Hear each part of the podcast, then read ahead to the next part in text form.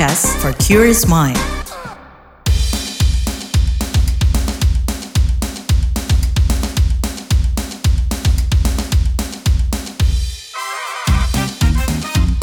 What's Trending KBR Pagi, siaran pagi radio paling update. KBR Pagi, siaran pagi radio paling update. Selamat pagi, apa kabar kalian semuanya di hari Selasa 7 Februari 2023? Kembali lagi Don Brady menjadi teman pagi hari kalian semuanya di What's Trending KBR Pagi pastinya. Jadi ini lagi viral modus penipuan online dengan format aplikasi atau APK yang dikirimkan melalui pesan WhatsApp dan belakangan penipuan yang marak terjadi itu menggunakan modus seperti undangan pernikahan atau kurir paket. Modusnya pelaku mengirimkan file APK agar calon korban mengklik dan menginstal APK tersebut. Setelah diinstal, calon korban harus memberikan izin akses untuk beberapa aplikasi yang membuat pelaku bisa mencuri data rahasia dari gawai calon korban. Penipu akan memiliki kontrol terhadap gawai kita dan mengetahui seluruh informasi rahasia seperti PIN, password, dan kode OTP. Padahal data tersebut sifatnya berharga dan mesti dilindungi dengan baik. Bahkan Bank Indonesia melalui laman bi.go.id mewanti masyarakat agar menghindari penipuan file APK dengan memperhatikan tiga hal penting, yaitu yang pertama, jangan mengklik file APK yang diterima dari orang yang tidak dikenal melalui pesan singkat. Yang kedua, selalu memastikan sumber aplikasi yang akan diinstal, apakah benar-benar dari Google Play Store atau sumber yang terpercaya. Yang ketiga nih, jangan memberikan izin akses apa pun jika aplikasi yang akan diinstal tidak berasal dari sumber yang terpercaya. Kita bakal bahas soal ini lebih lanjut, tapi seperti biasa kita dengarkan dulu komentar warganet plus 62 berikut ini.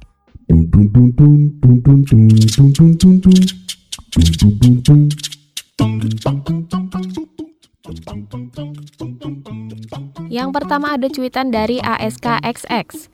Jaga dan beritahu ke keluarga, terutama ortu, kakek nenek, dan yang masih kelewat muda. Tiap ada dokumen atau link, selalu lihat bagian akhir. Jangan nama atau judul dokumen terlebih dahulu. Nah, kalau akhir file atau dokumennya .apk, linknya bit.ly, jangan di tab atau klik. Lalu lanjut ke cuitan @rafaxx. Kalau link biasanya bervariasi, hindari link yang disertai domain yang janggal atau ganjil, yang tidak pada umumnya. Domain yang pada umumnya seperti .com, .co.id, net, dan seterusnya. Sayangnya ada beberapa yang tidak aware atau minim experience dengan domain tersebut. Beralih ke komentar e tanpa XX.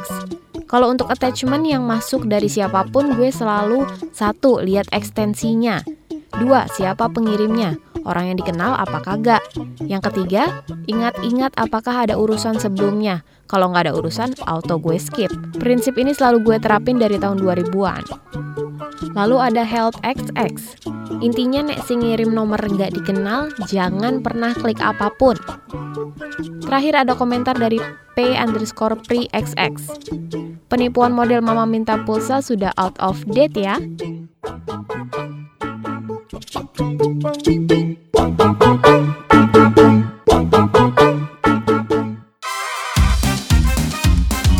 Trending KBR Pagi, siaran pagi radio paling update.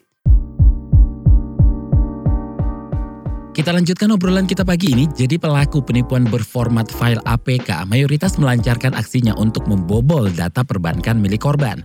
Menanggapi ini, Kementerian Komunikasi dan Informatika mengimbau masyarakat agar tidak mengunduh file dalam bentuk APK yang dikirimkan OTK untuk menghindari penipuan.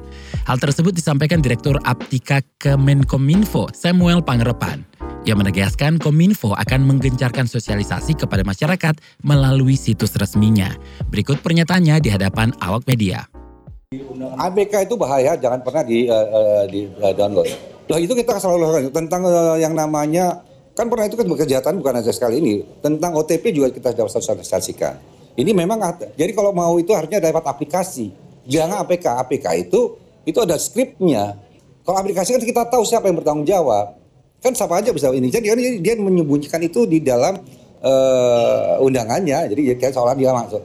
Kan sekarang kan juga ada undangannya langsung langsung pergi ke ada aplikasi khusus.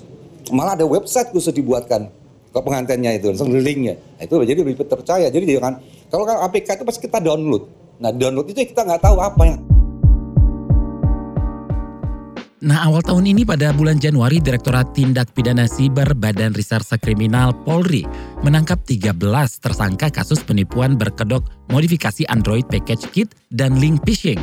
Diduga korban kasus tersebut mencapai 493 orang dengan kerugian ditaksir mencapai berkisar 12 miliar rupiah. Direktur Tindak Pidana Siber Bareskrim Polri Brigjen Adi Vivit Agustiadi Bahtiar menyebut bahwa Kapolri Jenderal Istio Sigit Prabowo juga telah membentuk satuan tugas perkara penipuan berkedok modifikasi APK untuk menangani maraknya kejadian ini. Berikut penuturannya pada 19 Januari 2023. Terhadap perkara ini setelah kami kumpulkan terdapat 29 laporan polisi di Polda Jajaran terkait penipuan berkedok modifikasi APK ini. Kemudian juga atas maraknya ataupun banyaknya kejadian penipuan berkedok APK, Bapak Kapolri telah membentuk Satgas dengan surat perintah Kapolri nomor sprint 3643 12 tanggal 23 Desember. Jadi Satgas ini kemudian e, bergerak cepat. Perkara ini diawali dengan tertangkapnya satu orang e, pelaku modifikasi di Polda Sulawesi Selatan. Dari situ kita kembangkan, kemudian kita berkoordinasi juga dengan Polda Sumatera Selatan. Alhamdulillah kita berhasil mengamankan sejumlah 13 tersangka. 12 kami tahan di Bareskrim, kemudian satu orang ditahan di Polda Sulawesi Selatan. Adapun modus operandi mereka yang pertama yaitu para pelaku bekerja secara kolektif dengan peran yang berbeda-beda. Jadi ada beberapa peran seperti yang pertama adalah pembuat APK tersebut ataupun pengembang daripada Android package kit tersebut. Kemudian ada juga yang berperan sebagai mengumpulkan database calon korban. Calon korban yang akan disasar oleh mereka terutama nasabah bank. Kemudian ada juga pelaku social engineering dan penguras rekening dan terakhir ada pelaku yang melakukan penarikan uang.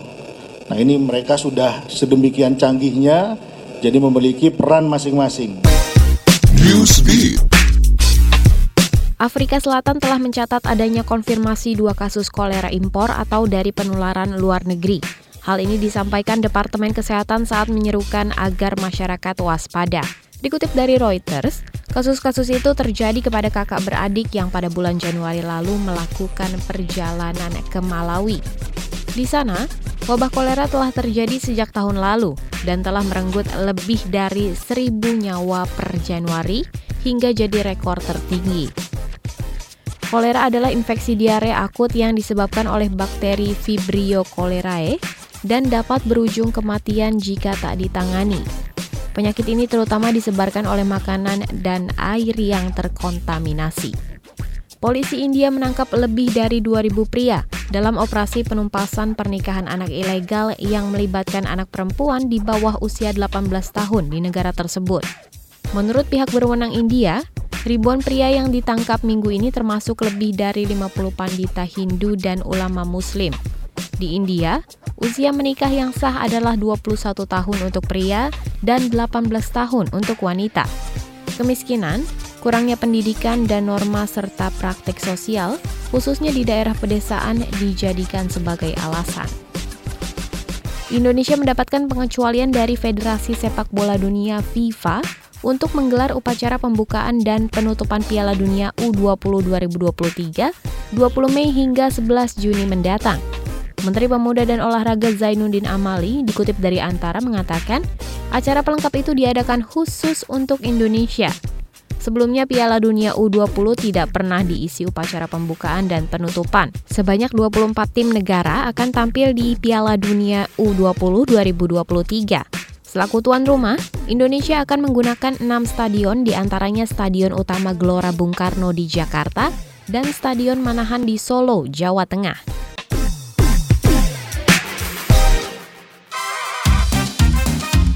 What's Trending KPR Pagi, siaran pagi radio paling update. Modus penipuan file APK yang bikin korban berjatuhan itu yang kita obrolin pagi ini. Nah, peneliti keamanan siber Cisrek Ibnu Dwi Cahyo menyebut hingga saat ini masih banyak modus kejahatan siber. Salah satunya penipuan berformat file APK yang marak diperbincangkan masyarakat. Sementara ia menilai tingkat kesadaran masyarakat tentang keamanan siber masih lemah sehingga banyak masyarakat yang rentan terkena penipuan. Ia menilai upaya paling jitu yang bisa dilakukan pemerintah adalah dengan upaya preventif, yakni memberikan sosialisasi mengenai potensi kejahatan siber. Lebih lanjut soal ini kita ngobrol bareng peneliti keamanan siber Cisrek, Ibnu Dwi Cahyo. Mas Ibnu, belakangan marak nih modus uh, pengiriman file APK. Seperti apa bahaya dan kerugian korban? Yang pertama yang dan yang paling penting adalah ini itu sisi serangannya itu di sisi nasabah ya, bukan di sisi sistemnya perbankan. Jadi kalau sampai fraud, kemungkinan besar ya perbankan nggak bisa ganti gitu. Karena yang diserang itu adalah dari sisinya nasabah. Ini yang harus cukup dimengerti sehingga masyarakat itu bisa lebih aware. Kenapa? Pelaku ini memanfaatkan banyaknya ratusan juta data masyarakat yang bocor di internet. Lalu dari data-data itu kan sebagian besar ada nomor HP, ada alamat, ada nama.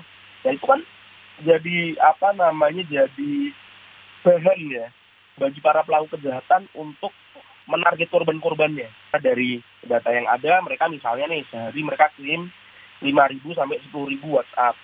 Masa dari 5.000 10.000 WhatsApp yang mereka kirim nggak ada yang jadi korban kan nggak juga. Ya mungkin antara 10 sampai 100 ada yang jadi korban. Seperti itu. Nah dari sinilah memang yang sangat penting itu adalah edukasi ke masyarakat. Nah karena apa? Yang dilakukan oleh para pelaku ini kalau mereka menyerang sistemnya perbankan langsung, mereka itu harus punya kemampuan uh, hacking atau kemampuan mertas yang sangat-sangat mumpuni. Tapi kalau mereka hanya melakukan phishing dan social engineering ke masyarakat, ke korban yang nggak tahu apa-apa, yang nggak punya ilmu dan nggak pernah dibekali oleh negara tentang keamanan cyber, ya udah mereka jadi lebih uh, tingkat keberhasilannya itu jadi lebih besar meskipun angkanya ya mungkin nggak nggak nggak gede-gede ya ada yang 20, 30, oh mungkin ada yang dapat ratusan juta juga ya gitu. Ini para pelaku ini menyerang sisi nasabah masyarakat bukan uh, perbankannya. Ya, ini yang harus di, dipahami oleh juga uh, negara. Jadi masyarakat itu jebur ke dunia online ya. Sekarang perbankan itu juga punya tanggung jawab untuk melakukan edukasi ke uh, masyarakat gitu karena masyarakat itu kan didorong untuk memakai aplikasi online perbankan. Nah, jadi perbankan juga harus uh, memberikan edukasi berkala terhadap masyarakat. Harus terus-terus kasih tahu. Jangan pernah klik link atau install sesuatu dari orang asing. Nah, itu yang paling penting. Oke, termasuk dalam kejahatan apa nih dan bisa nggak pelaku ditindak? Kalau kejahatannya modusnya ini dia phishing ya. Linknya itu dia link phishing atau dia ngasih apa filenya itu file phishing yang intinya itu tuh palsu uh, dia bisa mengarahkan untuk melakukan instalasi yang bisa uh, mengakibatkan kerugian itu bisnis. Tetapi cara si pelaku meyakinkan korban untuk pentet-pentet terus, ubah settingan Androidnya, itu namanya social engineering. meyakinkan korban untuk melakukan proses-proses tertentu secara lisan ataupun secara uh, teknologi karena via WA ya itu proses meyakin, meyakinkan korban itu oleh para pelaku itu disebut sebagai social engineering. Selama ini kasus kayak gini tuh sangat sangat banyak dengan berbagai tipe. Ada yang telemarketing, telepon palsu, apa telepon penipuan, lalu yang seperti ini juga banyak. Lalu ada yang ngaku dengan sebagai kasirnya Indomaret ataupun Alfamart. Banyak modusnya itu banyak sekali. Ya ini yang terbaru. Tapi pelakunya relatif sama. Pada dasarnya ini pelaku bukan pertas-pertas yang jago itu enggak Ya, jadi ini uh, follow the money lah. Ini uh, dananya ini di tracking, nanti kan ketahuan ke mana aja nih duitnya. Ya udah pelakunya tinggal diciduk-ciduk seperti itu. Meskipun memang biasanya uh, rekening yang dipakai untuk mengumpulkan dana-dana penipuan itu dia rekeningnya atas nama orang lain bukan jadi si, si pelaku itu nggak nggak pakai rekening mereka sendiri jadi dia biasanya ada bayar orang uh, di desa petani dikasih lima ratus ribu dia ambil KTP-nya dia ajak ke bank buat rekening. Nah itu rekeningnya yang dipakai untuk menampung dana-dana hasil penipuan seperti itu. Nah sebagai korban bisa nggak melapor? Adakah perlindungan hukum atas kejahatan semacam ini? Harusnya bisa banget. Cuman ini kan masalahnya apakah aparat kita sudah punya kemampuan untuk menangani kasus seperti ini. Harusnya udah bisa.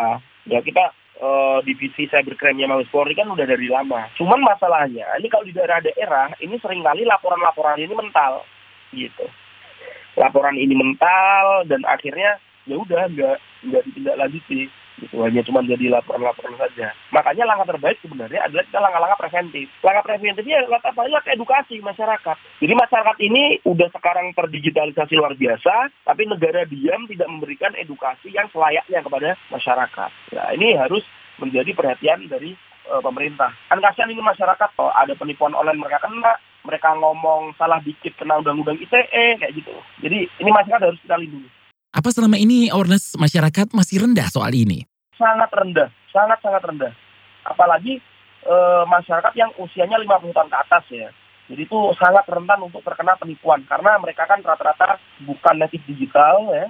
Artinya mereka itu mengenal WhatsApp, mengenal iPhone itu saat sudah uh, Android itu saat sudah usianya itu sudah sangat apa? Sudah sangat senior sehingga proses learning itu mereka tidak tidak semudah kita yang mungkin umur 30, umur 25, umur 20 yang kita disebut sebagai generasi natif digital yang memang kita besar di era digital. Lantas bagaimana upaya preventif yang bisa dilakukan untuk meningkatkan awareness tersebut?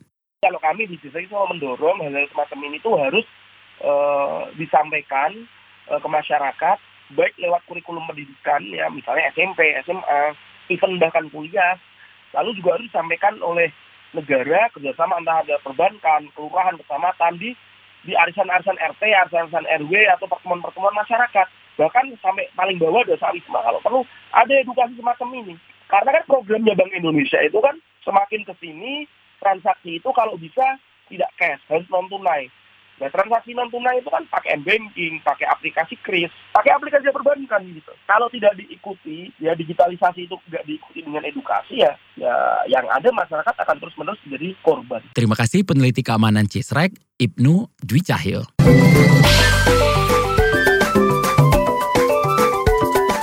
WhatsApp Indonesia. WhatsApp Indonesia dimulai dari Pulau Jawa Sebesar 75% lokasi rawan gerak tanah berupa tanah longsor berada di Pulau Jawa berdasarkan data dari Pusat Vulkanologi Mitigasi Bencana Geologi PVMBG Badan Geologi Kementerian Energi Sumber Daya Mineral ESDM. Sepanjang 2022 di Pulau Jawa, rincian daerah yang terjadi tanah longsor tersebut yakni 401 kejadian di Jawa Tengah, 250 di Jawa Barat, dan 120 di Jawa Timur. Menurut Kepala PPMBG Badan Geologi Kementerian SDM Hendra Gunawan, bencana itu mengakibatkan 208 orang meninggal, 2000-an orang mengungsi dan 2000-an rumah rusak. Khusus untuk Provinsi Jawa Barat, Koordinator Mitigasi Gerakan Tanah PVMBG Badan Geologi Kementerian ESDM Sumaryono menyebut lokasi yang paling tinggi kerawanan terjadi gerakan tanah adalah di kawasan Cianjur, Bogor, Majalengka, dan Kuningan. Sedangkan untuk Provinsi Jawa Tengah, disebutkan lokasi rawan gerakan tanah paling tinggi terjadi di kawasan Banjarnegara dan Brebes. Dan untuk Provinsi Jawa Timur dilaporkan di situs magma.esdm.go.id kejadian tanah longsor terakhir terjadi di Songgokerto, Batu, Kota Batu, Jawa Timur pada akhir tahun lalu. Selanjutnya menuju Sumatera Selatan, Kementerian Pemberdayaan Perempuan dan Perlindungan Anak, Kementerian PPPA, mengklaim negara hadir dalam upaya perlindungan terhadap perempuan dari kasus aborsi. Mengutip antaranews.com, pernyataan ini disampaikan Deputi Perlindungan Hak Perempuan Kementerian PPPA, Ratna Susianawati, kemarin merespon seorang perempuan asal Kabupaten Banyuasin yang meninggal akibat pendarahan karena aborsi ilegal. Ia menegaskan aborsi dilarang oleh negara untuk melindungi serta menjamin hak hidup dan hak bertahan hidup bagi setiap manusia, termasuk janin yang belum lahir. Namun, pengecualian diberlakukan jika ada kondisi darurat medis yang mengancam serta kehamilan akibat pemerkosaan. Dengan indikasi-indikasi tersebut, aborsi bisa dilakukan. Aturan soal larangan aborsi diatur dalam Undang-Undang tentang Kesehatan. Terakhir mampir Jakarta, pakar ekonomi Universitas Indonesia UI Faisal Basri meminta pemerintah bisa mencontoh kebijakan pemerintah Singapura untuk mengendalikan harga bahan pokok di tanah air, termasuk minyak goreng. Faisal menyebut Singapura berhasil mengendalikan inflasi dengan memberikan bantuan berupa voucher potongan harga untuk warga dengan pendapatan rendah.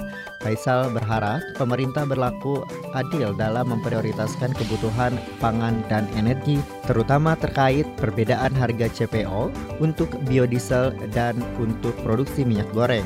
Menurut Faisal, harga jual CPO untuk biodiesel yang lebih tinggi menimbulkan persaingan tidak sehat dan menyebabkan pengusaha menjual produknya ke produsen biodiesel.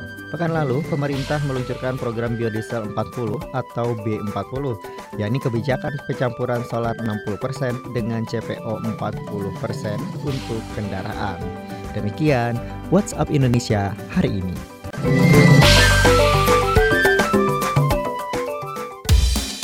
Terima kasih ya sudah mendengarkan What's Trending KBR Pagi dan jangan lupa tetap dengarkan podcast What's Trending di kbrprime.id dan di aplikasi mendengarkan podcast lainnya. Don't Brady pamit, besok kita ketemu lagi. Stay safe, bye-bye.